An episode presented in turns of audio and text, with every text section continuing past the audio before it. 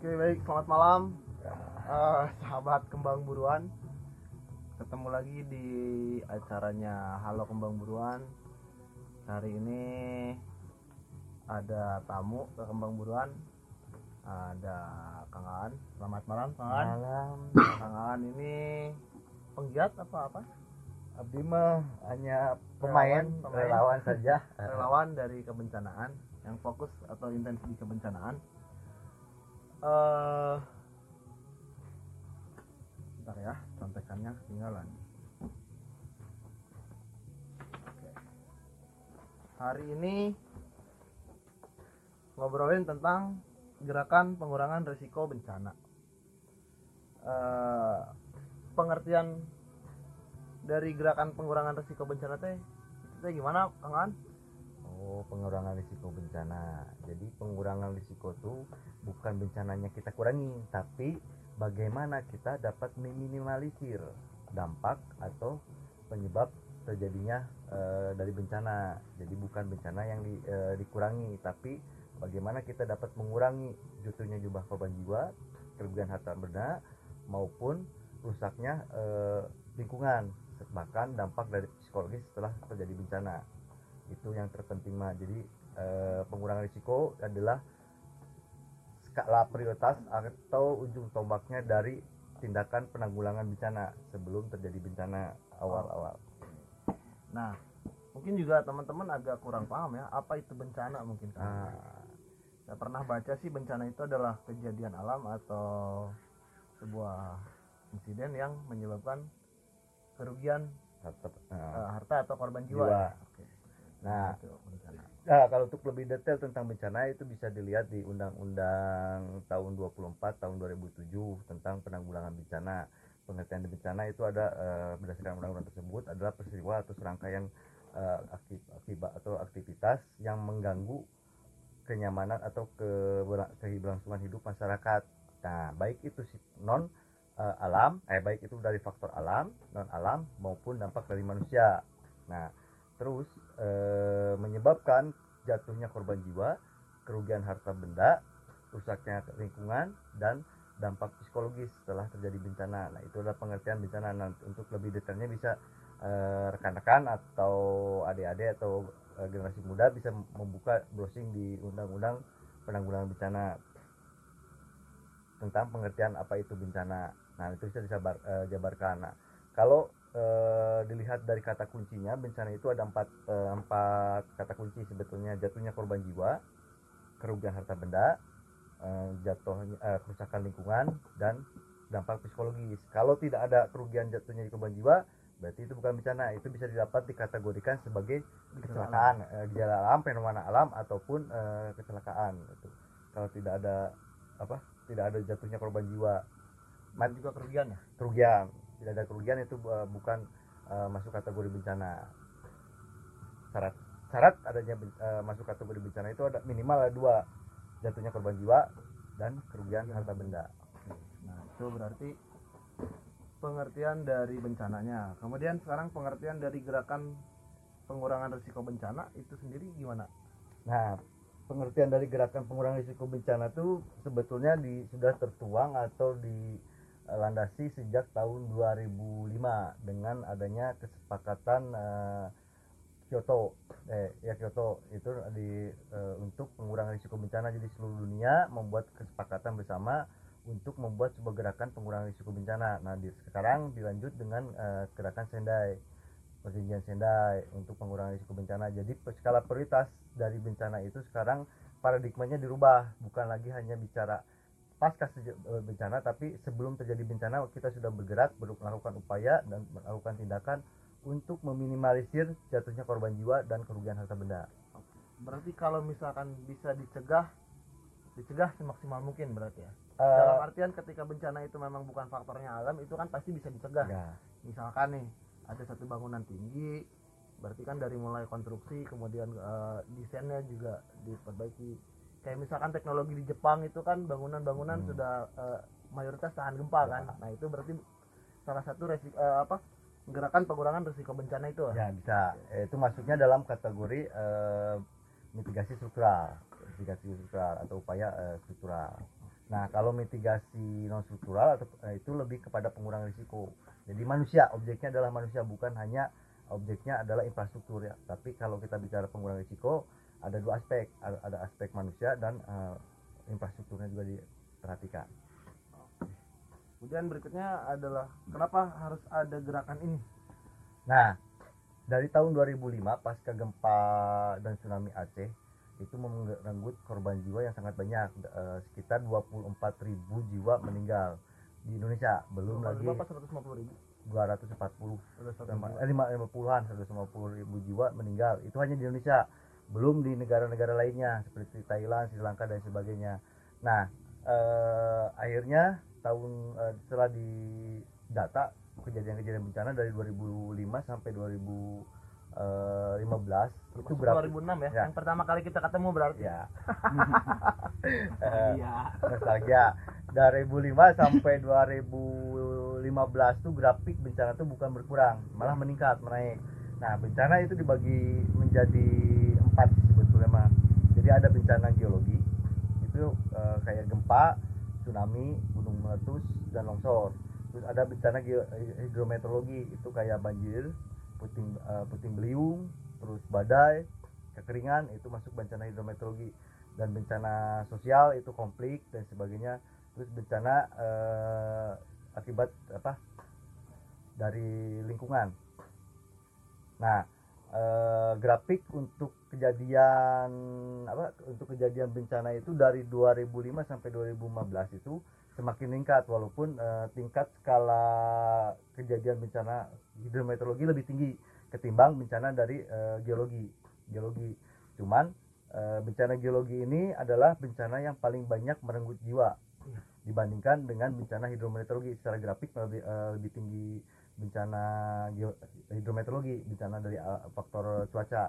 Tapi geologi ini paling banyak eh, grafiknya di bawah tapi paling banyak memakan korban jiwa itu Berarti secara kualitas geologi itu lebih, lebih eh, secara kuantitas eh, berkurang tapi secara eh, kuantitas bencananya lebih banyak, banyak memakan korban. korban jiwa Oke, berarti yang saya ingat 2005 ada gempa tsunami Aceh, kemudian 2006 ada gempa Jogja, ya. Jogja kemudian Pangandaran juga Pangandaran tsunami, tsunami Oke, dan Merapi ya 2010. 10 plus Padang Padang Oh iya 2009. Padang 2009 Sembilan. 2009 ya. Dua kali Padang kalau nggak salah. Ah, dua kali Padang terus 2011 Mentawai tsunami Mentawai Oh iya.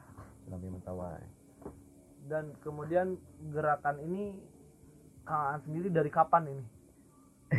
untuk bicara gerakan pengurangan risiko bencana eh, sebetulnya dari tahun 2006 jadi eh, salah satu orang perintis eh, untuk terlibat dalam gerakan pengurangan risiko bencana itu dari 2006 jadi pasca.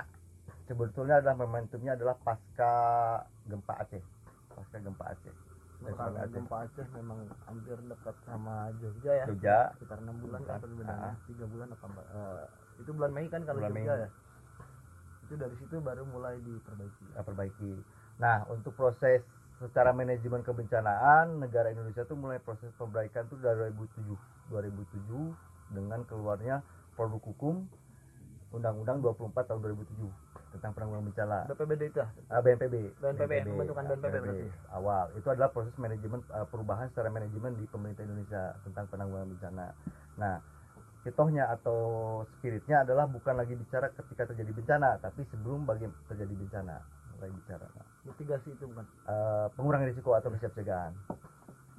Kemudian gerakannya dari berarti dari mulai 2006 sampai sekarang berarti ya 2009 eh 2019 berarti sudah hampir 13 tahun gerakan-gerakan yang sudah di yang sudah di, di- dilakukan atau sudah sudah ter- apa yang sudah digerakkan salah satunya atau misalkan gerakannya ada berapa gerakan ini Eh, kalau untuk pengurangan risiko bencana itu lebih kepada objeknya adalah manusia. Jadi bagaimana kita meningkatkan pengetahuan, pemahaman dan keterampilan masyarakat yang hidup tinggal di daerah rawan bencana. Intinya mah.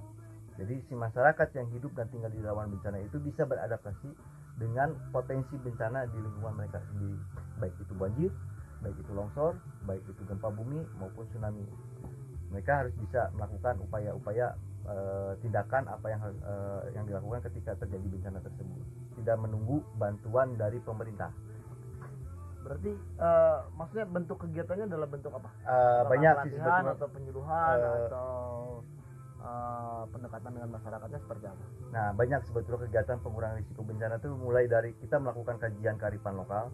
Jadi kembali lagi menggali eh, kecerdasan lokal bukan kearifan lokal sebetulnya mah. Kecerdasan lokal orang tua zaman dahulu itu mereka sudah tahu, paham dan mengerti wilayah mereka adalah wilayah yang memang eh, pada dasarnya rawan terhadap bencana. Mereka punya pengetahuan-pengetahuan yang ditransferkan eh, secara turun temurun. Nah, itu kembali digali untuk mengingatkan kembali kepada masyarakat yang tinggal di wilayah terdampak bencana untuk mulai kepaka kepada alam terus ada kegiatan sosialisasi ada kegiatan eh, sosialisasi dibagi dua eh, bisa di masyarakat bisa di aparat pemerintahan eh, maupun eh, di sekolah juga sosialisasi kalau untuk eh, di sekolah itu lebih ke edutainment edu- edukasi dan entertainment. Jadi bermain sambil belajar. Terus eh, bisa juga melakukan simulasi bisa juga kita eh, membuat te- kajian risiko untuk eh, tingkat pemerintahnya bikin kajian risiko bencana bikin rencana kontingensi bagaimana apa yang harus dilakukan ketika terjadi bencana kebutuhan makanannya berapa eh, estimasi jatuh korban jiwa dan sebagainya terus sampai ke tahap rencana operasi. Banyak hal-hal yang dilakukan ketika terjadi eh, ketika di eh, pengurangan risiko bencana. Jadi eh, kalau bicara pengurangan risiko bencana mah tidak ada waktu untuk libur. Tidak ada waktu Berarti nggak berlaku Sabtu Minggu. Tidak berlaku satu minggu tidak berlaku tanggal merah Tidak berlaku tanggal merah. Tapi kadang bisa merah semua. bisa gitu. tergantung mood yang, yang Oke, tertentu. berarti tadi berbicara tentang kecerdasan dari kearifan lokal. Salah satunya misalkan ya, yang saya tahu misalkan kayak di Jepang. Jepang Ah. itu kan rumah tradisionalnya itu nggak pakai ya eh, apa? Kalau di kita kayak rumah panggung, Panggung, gitu ya, rumah nah. panggung, terus eh, dia nggak pakai kaca kan, pakainya kertas gitu kan. Kertas. Itu mungkin salah satu bentuk kecerdasan itu. Mungkin Ya. orang kita juga udah sama. ya. sama sudah Kita sama dengan pakai apa? rumah panggung, rumah panggung, terus dindingnya dari bilik, bilik, itu juga dan- pengurangan ya. nah. karena yang saya tahu ketika kita pertama ketemu itu Kang An di di Jogja itu memang rumah-rumah tua yang pakai sistem kayu sama pasak itu memang lebih kuat, kuat lebih relatif lebih kuat dibanding bangunan yang beton, yang Beton, nah. apalagi yang bertingkat tinggi ya itu nah itu jadi sebetulnya orang tua kita dulu itu sudah sangat cerdas mereka sudah bisa memproyeksikan masa depan bahwa dan mereka sudah sangat mengenal dengan lingkungan mereka sendiri. Jadi mereka beradaptasi menyesuaikan dengan kondisi lingkungan. Bangunan rumahnya dibuat seperti eh, sesuai dengan kondisi eh, lingkungannya. Ketika terjadi bencana ya eh, dapat meminimalisir lah. sama halnya kayak kayak kita kita cuman mungkin karena kita aja ke kota-kotaan gitu rumah Nah, pengen gedong, gitu. gedong. pakai tembok pakai beton dan segala macam lah. Nah itu, nah itu kan kita tuh terkendala oleh undang-undang. Ketika bicara rumah panggung berarti kita non sejahtera. oh Nah, itu diberlakukan di dalam undang-undang. Nah undang-undang juga kan tidak mem- mempertimbangkan atau mem- eh, memperhitungkan faktor eh, ekonomi masyarakat itu tidak sama dan tidak merata. Kemudian yang terakhir sih pertanyaan, bagaimana gerakan ini eh, sampai saat ini dari mulai 2006 sampai saat ini apakah sudah semakin ada perkembangan dari masyarakat untuk masalah pengetahuan kebencanaan dan segala macam? Nah untuk eh, semakin meningkat eh, ini mah kalau dilihat secara statistik atau secara data by data ini eh, itu masih sangat sedikit. Jadi dalam artian eh, pemahaman pengetahuan masyarakat tentang bencana di lingkungan sendiri itu masih sangat minim juga Kesadarannya kesadarannya masih sangat minim juga itu bisa faktornya memang eh, pemerintah kurangnya lakukan sosialisasi di masyarakat tidak terdampak bencana ataupun memang lembaga-lembaga riset penelitian ini kurang eh, mempublikasikan hasil penelitian tersebut kepada masyarakat umum. Wah bahwa daerah-daerah tersebut adalah daerah-daerah rawan bencana. Nah itu yang masih kurang. Masih ada gap atau eh, jurang pemisah antara akademik dan eh, pemerintah maupun dengan masyarakat. Nah itu jadi akhirnya pengetahuan tentang kebencanaan itu masih sangat minim di masyarakat. Berarti PR terbesarnya adalah eh, bikin satu rangkaian yang tiga tadi itu masyarakat, akademisi dan pemerintah itu jadi satu satu kesatuan dalam satu rangkaian untuk penanggulangan eh apa pengurangan risiko bencana itu ya itu yang Ya. PR yang terbesar. Nah sebetulnya kan kalau bicara itu itu tuh sudah diteruangkan dalam uh, pentahelik. Jadi eh, tiga, eh, logo segitiga BNPB itu atau BPBD itu kan eh, itu untuk atasan Yang pemerintah segitiga warna oranye itu. Ah, segitiga warna oranye atau eh segitiga, segitiga biru segitiga biru. BNPB itu di eh, pemerintahan mewakili pemerintahan nanti di bawahnya ada dinas pendidikan dan sebagainya tetek bengek terus masyarakat itu di dalamnya eh, mencakup ada komunitas ada warga ada eh, apa akademik ada wartawan dan sebagainya dan eh, yang satu lagi sudutnya adalah untuk eh, dunia usaha. Nah sekarang dimunculkan dengan istilah pentahelik. Ada lima jadi pemerintah masyarakat akademik dunia usaha dan media. Ini harus punya eh, mereka harus berperan aktif dalam pengurangan risiko bencana. Jadi ketika perusahaan itu harus mengeluarkan dana CS eh, CSR-nya bukan hanya ketika terjadi bencana.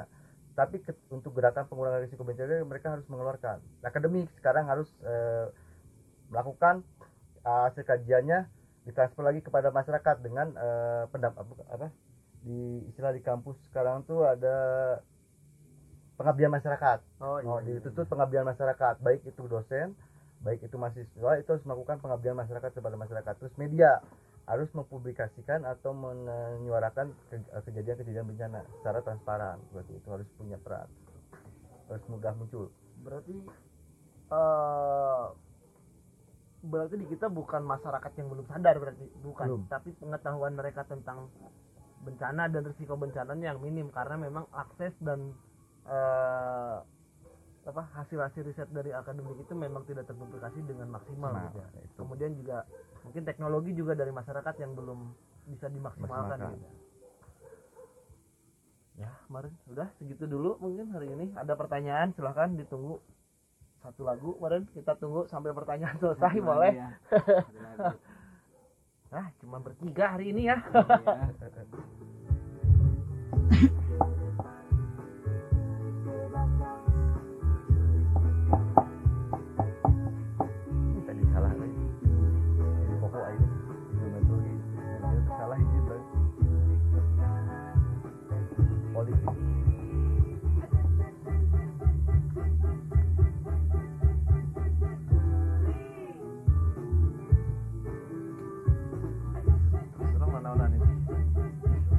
Gigan.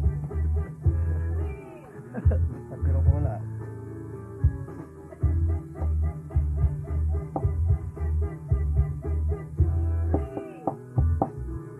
Oh iya, tambahan aja lah sambil ngomong. Buat teman-teman yang punya kegiatan, punya komunitas atau punya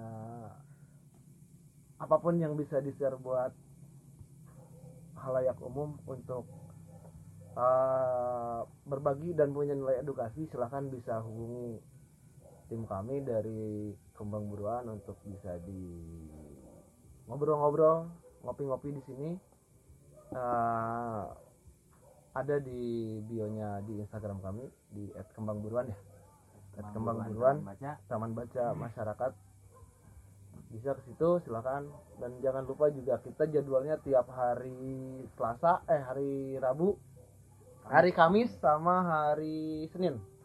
Itu jadwal kita seminggu dua kali untuk kita share-share eh, kegiatan apa pun yang hal positif gitu.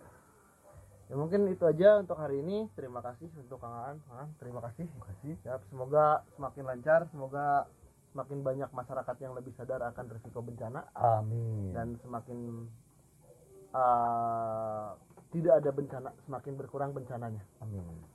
Terima kasih. Assalamualaikum warahmatullahi wabarakatuh. Selamat malam, selamat beristirahat.